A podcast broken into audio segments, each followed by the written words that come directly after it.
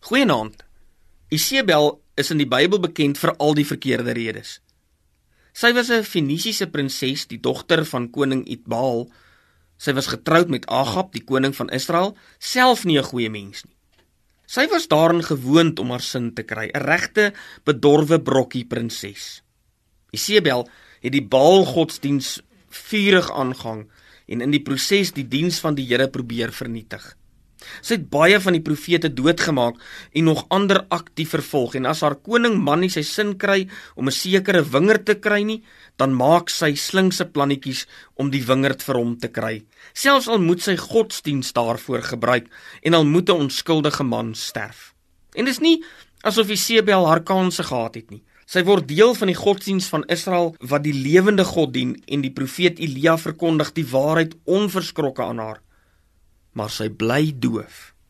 Op 'n tyd word Jehu koning van Israel en hy trek met sy weermag op na Isebel se paleis.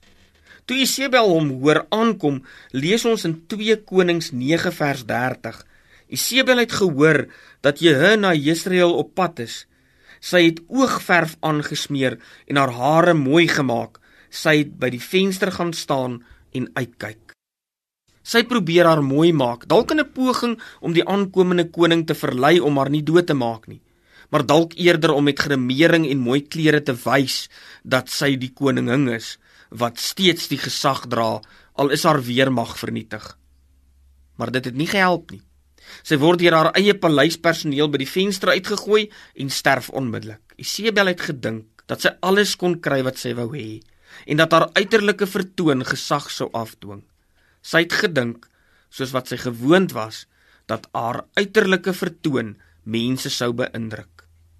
Isebel was 'n vrou wie se voorbeeld ons nie wil volg nie. Sy het die Here nie gedien nie en hom openlik getart. Moenie op die uiterlike in jou lewe staat maak om mense te beïnvloed nie. Laat jou hart opreg wees. Laat jou binnekant skoon en eerbaar en rein wees. Nie soos Isebel nie. Kom ons bid. Ewige God, ons dankie vanaand dat u vriendelike hand die hele dag op ons was. Ons dankie dat u ons in staat gestel het om ons werk te doen en 'n bestaan te maak ter wille van onsself en die wat ons liefhet. Here, ons dankie vir die stem in ons wat ons gekeer het toe ons in die versoeking was om die verkeerde te doen en vir die genade wat ons in staat gestel het om die stem te gehoorsaam. Ons dankie vir u beskerming wat ons veilig gebring het tot aan die aanduur. Onse Vader by wie daar vergewing is, vergewe ons as ons vandag 'n vriend in die steek gelaat het, 'n dierbare seer gemaak, onsself oneer aangedoen en u bedroef het. Vergewe ons as ons traag was om ons plig teenoor ons medemens na te kom of as ons u vergeet het.